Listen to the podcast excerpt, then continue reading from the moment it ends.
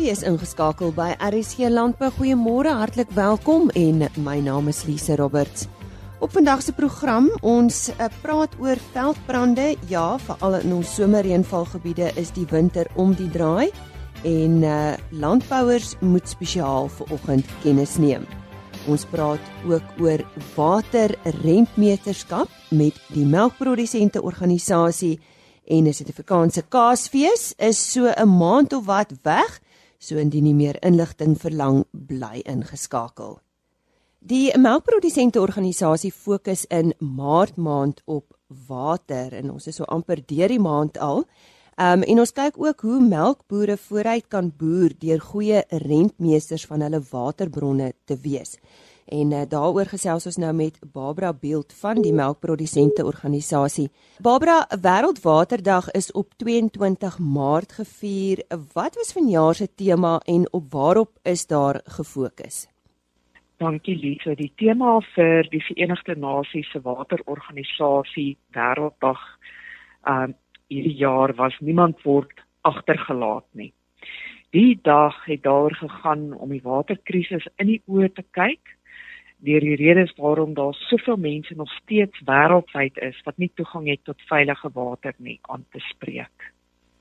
Wat beteken waterrentmeesterskap vir melkbooie? Dit beteken dat jy moet weet waar jou waterbronne vandaan kom, hoe en hoeveel jy daar daarvan gebruik en waarheen dit vloei. Dit sluit dan natuurlik ook in om beste praktyke op jou plaas toe te pas om betrokke te raak by watervoogdheidskap buitekant jou plaasgrense en om te help met die waterbestuur in jou opvangsgebied. So waar begin waterrentmeesterskap? Deur die toestande op jou plaas, soos die voggehalte van jou grond en watergebruik te monitor, dan is dit ook belangrik om inligting te hê oor watervloei, boorgatwatervlakke en reënvalsyfers en daar's soveel tegnologie wat beskikbaar is wat benut kan word soos byvoorbeeld watermeters en grondvogmeters. Hoekom is dit belangrik om van goed soos indringerplante ontslae te raak, Barbara? Uitheemse en indringerplante is dorstig en hulle slurp jaarliks sowat 3% van al die land se beskikbare waterbronne op. Hierdie plante wat natuurlike plante groei verdring, help boonop veldbrande aan. Deur uitheemse plante te verwyder, word jou watervloei verbeter en so ook die afloop van water na vlei lande, strome, riviere en damme. Nou kom ons gesels oor die ander kant. Uh watter rol speel inheemse bome ten opsigte van waterrentmeesterskap? Daar's heelwat voordele uh uh, verbonde aan inheemse bome. Die eerste een is dit help om jou grondbronne te beskerm deur erosie te verminder en dan onderskep dit ook afloopwater. En bykomend tot dit verbeter dit waterkwaliteit en verlaag dit vloedrisiko. En dan 'n addisionele bonus is dat bome en boomryke areas die habitat verskaf vir natuurlewe. Dis nou vir wilde diere, voëls en insekte en so verhoog die estetiese waarde van jou plaas. En hoekom is uh, gesonde vlei lande belangrik? Gesonde vlei lande word beskou as die natuur se sponse oftewel reinigingsagente. Dit suiwer water dit vul jou grondwaterbronne aan en dit reguleer ook watervloei. Vlei lande is in meeste van die gevalle korridors van biodiversiteit waar rar en eksotiese plante dikwels voorkom. Nou Barbara, ek weet van ons boere pas bewaringslandbou toe op hulle plase, speel dit enigsins 'n rol? Baie definitief. Uh bewaringslandbou verleen veerkragtigheid aan boerdery. Grondbedekkings en dekgewasse help nie net om grondgehalte te verbeter nie, maar dit beheer ook onkruid en dit verhoed dat grondvog verdamp. Nou ja, dit was aan Barbara Beeld van die Melkprodusente Organisasie en sy het met ons gesels oor een van ons kosbaarste bronne, veral in Suid-Afrika en dit is water en hoe om goeie rentmeesters te wees. Voor ons voortgaan met ons program, indien daar enige inligting is wat u misgeloop het tydens een van ons uitsendings, onthou jy's baie welkom om die gewone RSG webtuiste te raadpleeg. Dit is www.rsg.co.za. Daar word die program in totaliteit gelaai.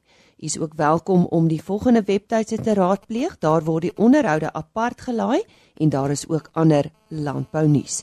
Dit is www.agriorbit.com en 'n kontak e-posadres sal ons ook aan die einde van vandag se program verskaf.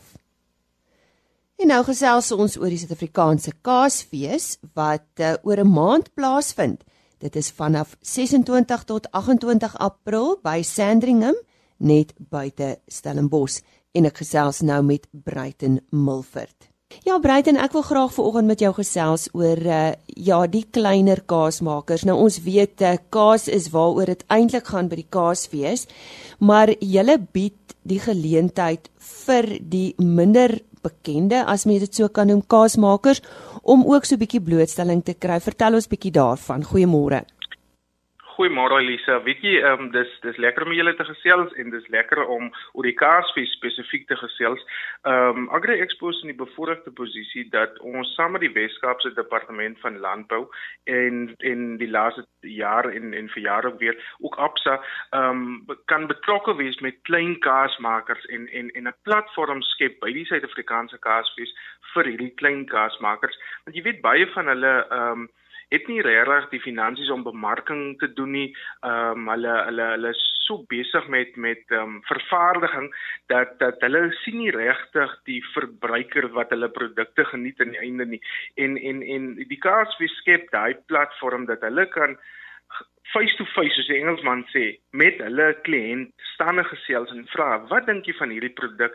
Ehm um, en die verbruiker kan dan ook met daai klein kaasmaker praat en sê luister man, wat is jou storie? Ehm um, en en en daar's wonderlike stories van ouens wat ehm um, so grond te klein is om om iets anders te doen so hy moet sê net maar 'n paar bokke melk of hy melk miskien net 10 of 12 jersey koeie en hy hy bemark sy sy kaasprodukte ehm um, net aan eksklusiewe ehm um, ehm um, restaurante en dan by die kaasfees. Jy weet so die die marktoegang wat hulle daar kry, ehm um, die produkbekendstelling, dit is dis al sy ervaring vir hulle en dit is goeie bemarking vir die klein kaasmakers.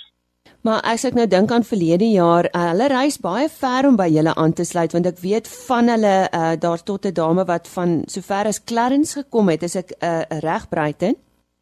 Ja, ja, ja, ja, Lise, ehm um, definitief weet jy, hulle kom van reg oor die land. Ehm um, en hulle hulle kom beproef hulle hulle nuwe produkte. Ons is ons is so bevoorreg dat elke jaar is daar hulle so innoverend hierdie klein kaasmakers. Jy weet hulle sit biltong in die kaas, hulle sit 'n bietjie rooiwyn in die kaas partykeer.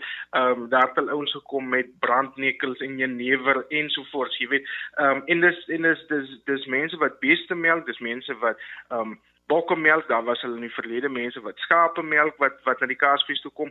So dis regtig elke jaar, jy weet die die, die verbruiker word eintlik verras deur wat hierdie klein kaasmaker kan kan bied vir hulle.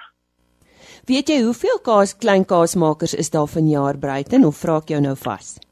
Nee nee nee, weet jy, ehm um, el, elke jaar borg die departement van landbou in die Weskaap en Absa ehm um, vir ons 10 klein kaasmakers, maar daar is gewoonlik meer. Daar hulle is gewoonlik so rondom 15 of 17 selfs 18 partykeer is daar 20 um, en dit sluit nou die groter vervaardigers uit. Jy weet so um, ek is ek het ek het onlangs 'n artikel gelees um, op sommer op sosiale media van 'n buitelandse groot buitelandse skou wat vreeslik gespog het met hulle. 17 kaas uitstallers en toe dink ek Jesus ons kan so trots wees in Suid-Afrika en spesifiek by die kaasfees dat ons baie meer as 17 kaas uitstallers hier het so ja daar's daar's baie daar's baie klein kaasmakers daar buite en daar's baie van hulle by die Suid-Afrikaanse Kaasfees.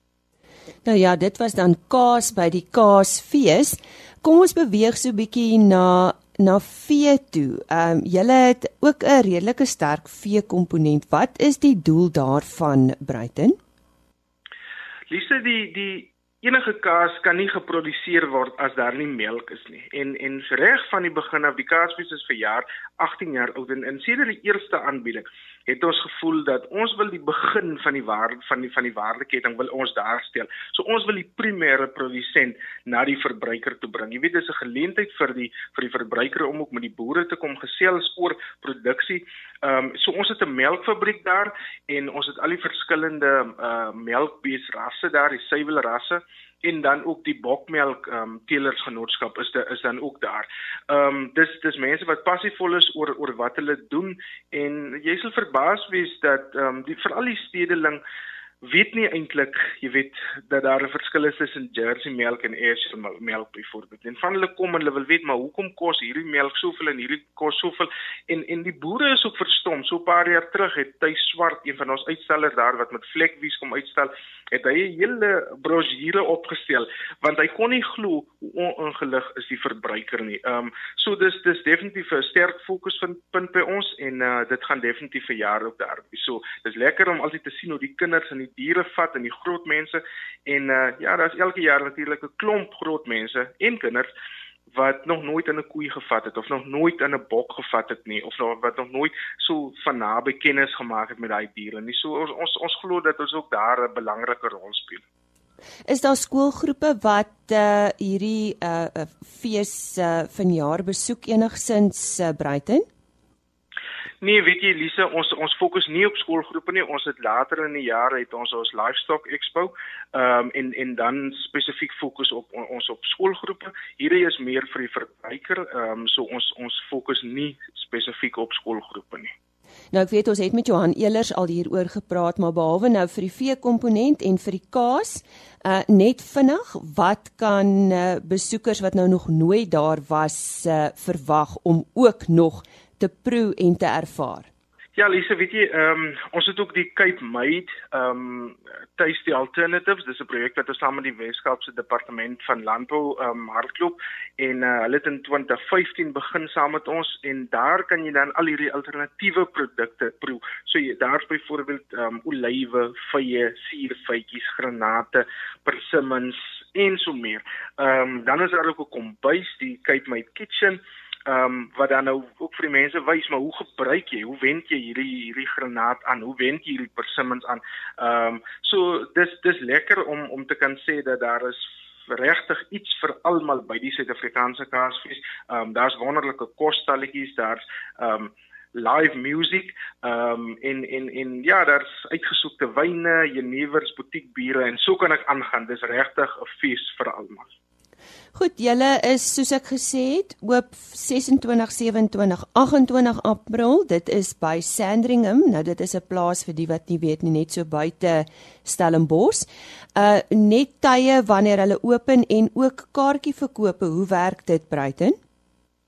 Ja Lise, ons is elke dag van 10 tot 6 oop. Ehm um, jy het nou sopas gesê 26 tot 28 April. Ehm um, en as hulle meer inligting wil bekom, kan hulle ons webwerf besoek by cheesefestival.co.za of hulle kan vir ons 'n lytjie gee by 021 975 440 en alle kaartjies is net beskikbaar by Computicket. Geen kaartjies word by die hekke verkoop nie. En daar's net soveel kaartjies beskikbaar. Dit is uh, julle het 'n afsny uh, getal. Ja, jy's 100% reg. In elke jaar sê ons vir die mense, julle moet asseblief spring en dan die laaste dag of 2 of 3 dan dan uh, bel die mense en sê hulle hulle kan nie kaartjies kry nie. Dit is wel ongelukkig as die kaartjies uitverkoop. So ek ek wil tog graag die die publiek aanmoedig om vroeg by hulle kaartjies. Dis die stem daarvan Bruiten Milford van Agri Expo en hulle is natuurlik verantwoordelik vir die Suid-Afrikaanse Kaasfees. Net weer die webtuiste, dit is www.cheese festival.co.za indien u meer inligting verlang. Farmbiz is 'n landboubesigheidstydskrif wat letterlik sy oor op die grond het, of dit nou oor die landbouekonomie of produksieaangeleenthede handel. Die April uitgawe skop af met 'n redakteursopinie oor die nuutgestigte SAI, oftewel Suider-Afrikaanse Landbou-inisiatief, onder leiding van die bekende Dr. Theo de Jager. Landbouers en landbouinstansies hou asems in om te sien wat hieruit gaan voortspruit en of dit volhoubaar is. WA Lombard en Mario van der Heever kyk na alternatiewe energiebronne vir die plaas en fokus veral op sonpanele en die koste daarvan. Lesers word ook op hoogte gebring van die stand van sake wat Lesotho se wolbedryf betref. Wolboere in die land en Suid-Afrikaanse maatskappye wat in wol handel dryf, is omgekrap nadat die Lesotho regering nuwe regulasies bekend gemaak het en 'n Chinese wolmakelaar die kontrak gekry het om wol en bokhaar veilinge in Lesotho te hanteer. Geniet ook artikels oor 'n nuwe katoenaanleg, die toekoms van bye, pluimveevoeding en mikotoksin voorkoming in mielies. Daar is ook 'n baie interessante artikel oor organiese hoenderproduksie en in die plaaskos afdeling is daar heerlike resepte met lamsvleis. Kyk uit vir die April uitgawe van Farmbiz wat vanaf 25 Maart in uitgesoekte winkels beskikbaar is. Die winter klop een van die dae weer in ons deur en daarmee saamkom daar ook 'n hele paar uitdagings vir die landbousektor. Nou een hiervan is sonder twyfel veldbrande. Nou Nicoline Neveling van Navaku Fire and Rescue gee raad in hierdie verband. Nicoline, watter dele van die land word in die wintermaande deur veldbrande bedreig? Ja, Suid-Afrika het ehm um, twee brandseisoene as gevolg van ons reënvalpatrone. Die Weskaapse brandseisoen is gedurende hulle droë somermaande en dan is die res van die land se brandseisoene gedurende ons droë wintermaande. Watter stappe moet boere neem om brande op hulle plase te voorkom? Dit is baie belangrik dat boere self in lyn kry met die nasionale wet op veld en bosbrande. Maak seker dat jy 'n minimum vereistes voldoen rakende jou personeelopleiding, jou toerusting, beskermende klere en voorsorgmaatreëls, soos uit inges uit ingesit in die wet.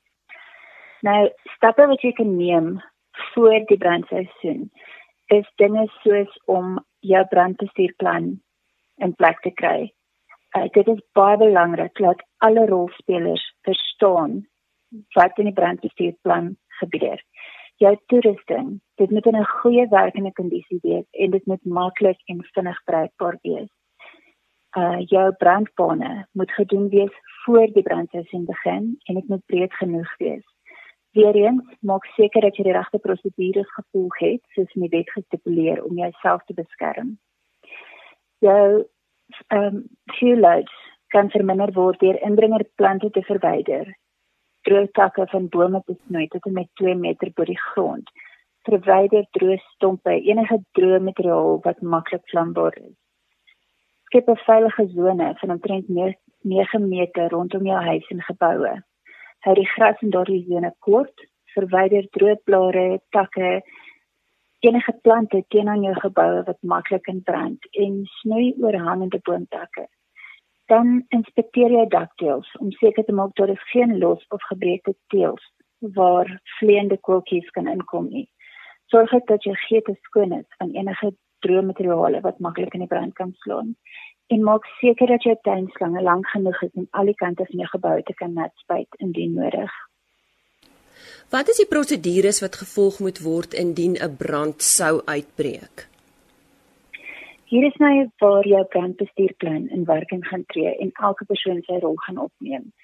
Rapporteer onmiddellik aan jou bure en SPA of jou boerevereniging om hulle in kennis te stel dat daar 'n gevaar is en om die besluit te neem oor hoeveel hulp indien enige jy nodig het.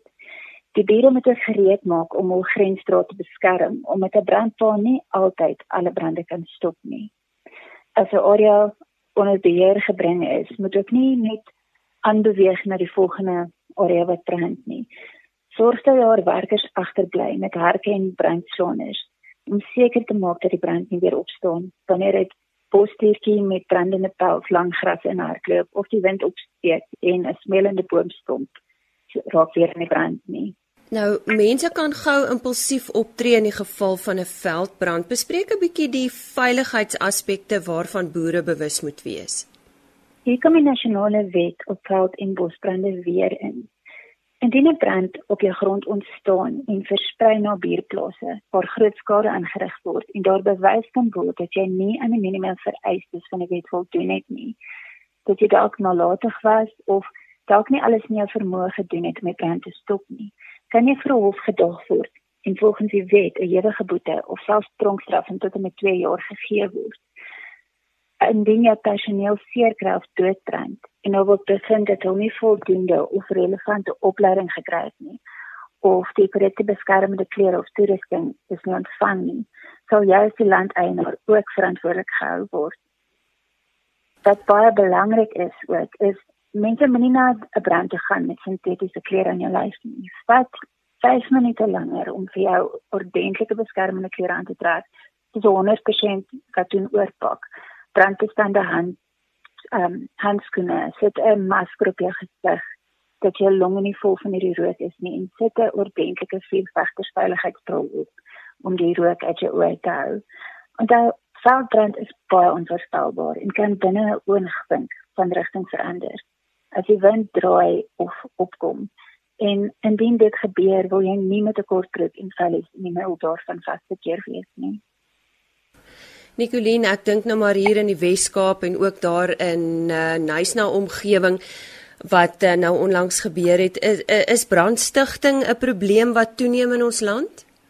Hierdie is 'n moeilike vraag om met sekerheid te kan antwoord.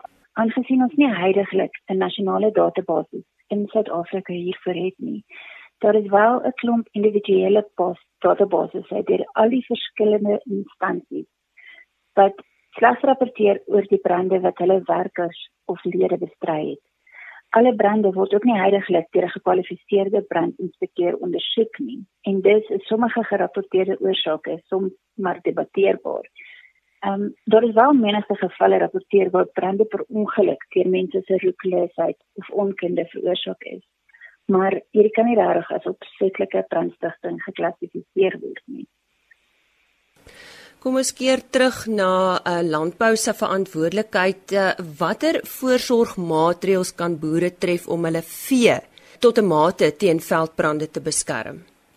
Hulle keer 'n veilige en groot genoeg area wat skoon gemaak en gereeld onderhou kan word om seker te maak dat dit skoon bly van enige gras of plante wat kan brand hierdie area met waterbakke bevat vir vee want as die as die brande rondom hulle is dis farm en ehm um, maar moenie enige voer daarin hê nie want dit kan nog steeds 'n brandgevaar inhou.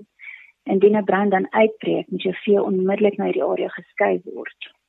Ons sê baie dankie aan Nicoline Neveling van Navaku Fire and Rescue. Sy het vir ons raad gegee oor veldbrande en wat ons landbousektor se verantwoordelikhede daar rondom is. En as jy belangstel om te weet wat met ons weer gebeur, sluit ons aan by Henny Maas. As ons sê ons gesels met eh, Johan van der Berg van Santam Landhou, is dit oor weersake.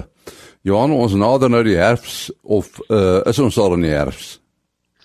Nee, ek weet nie uh, hierdie seisoen het al die of hierdie jaar somerseisoen het al al die seisoene gehad. Ons is al vroeg in winter en somer en herfs. As ons kyk na wat het nou gebeur hierdie afgelope week is ons eintlik nog suiwer in die somer gewees met baie hoë temperature.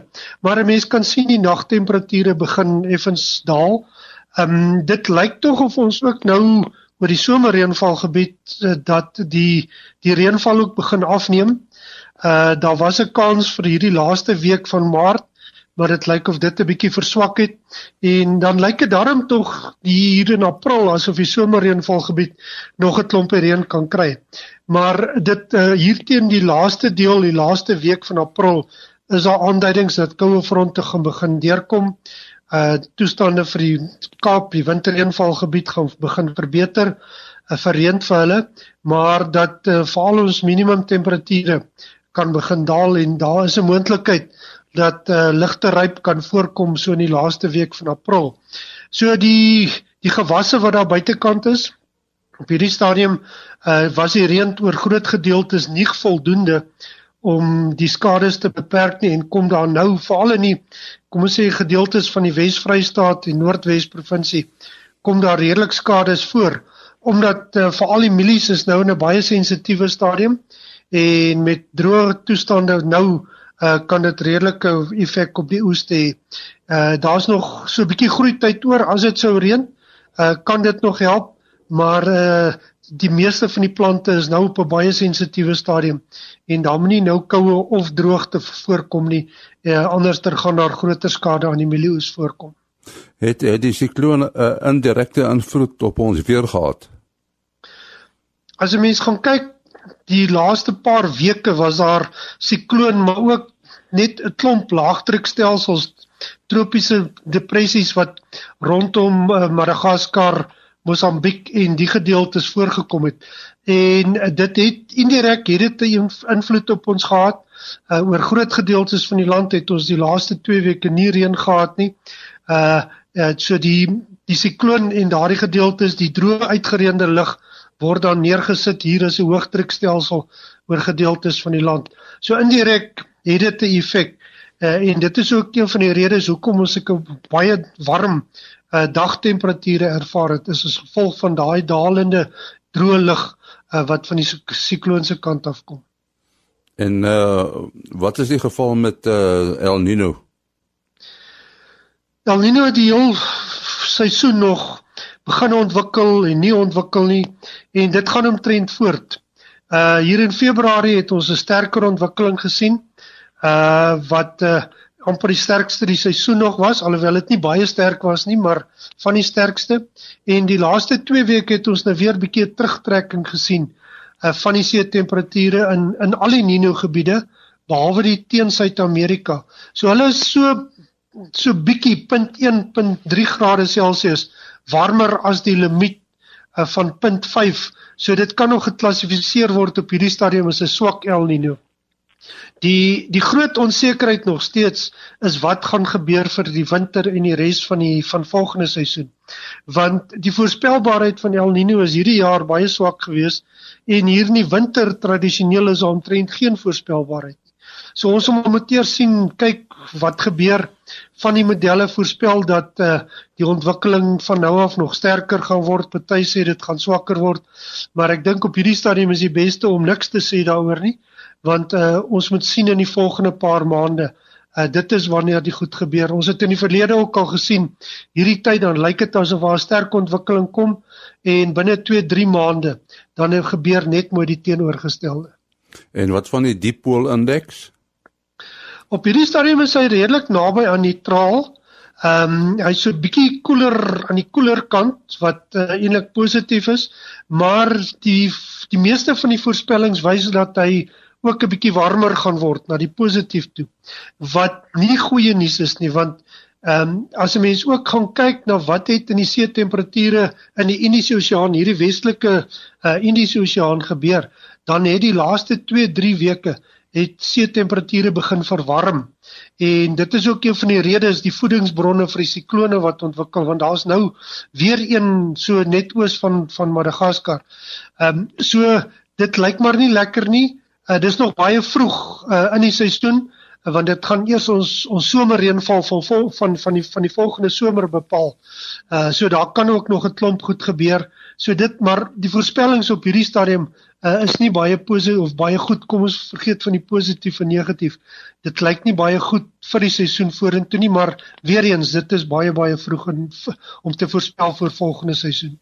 Dan sê ons sê baie dankie aan Johan van der Berg van uh, Santam Landbou. Dit is aan die einde van vandag se program. Onthou môreoggend weer by ons aan te sluit.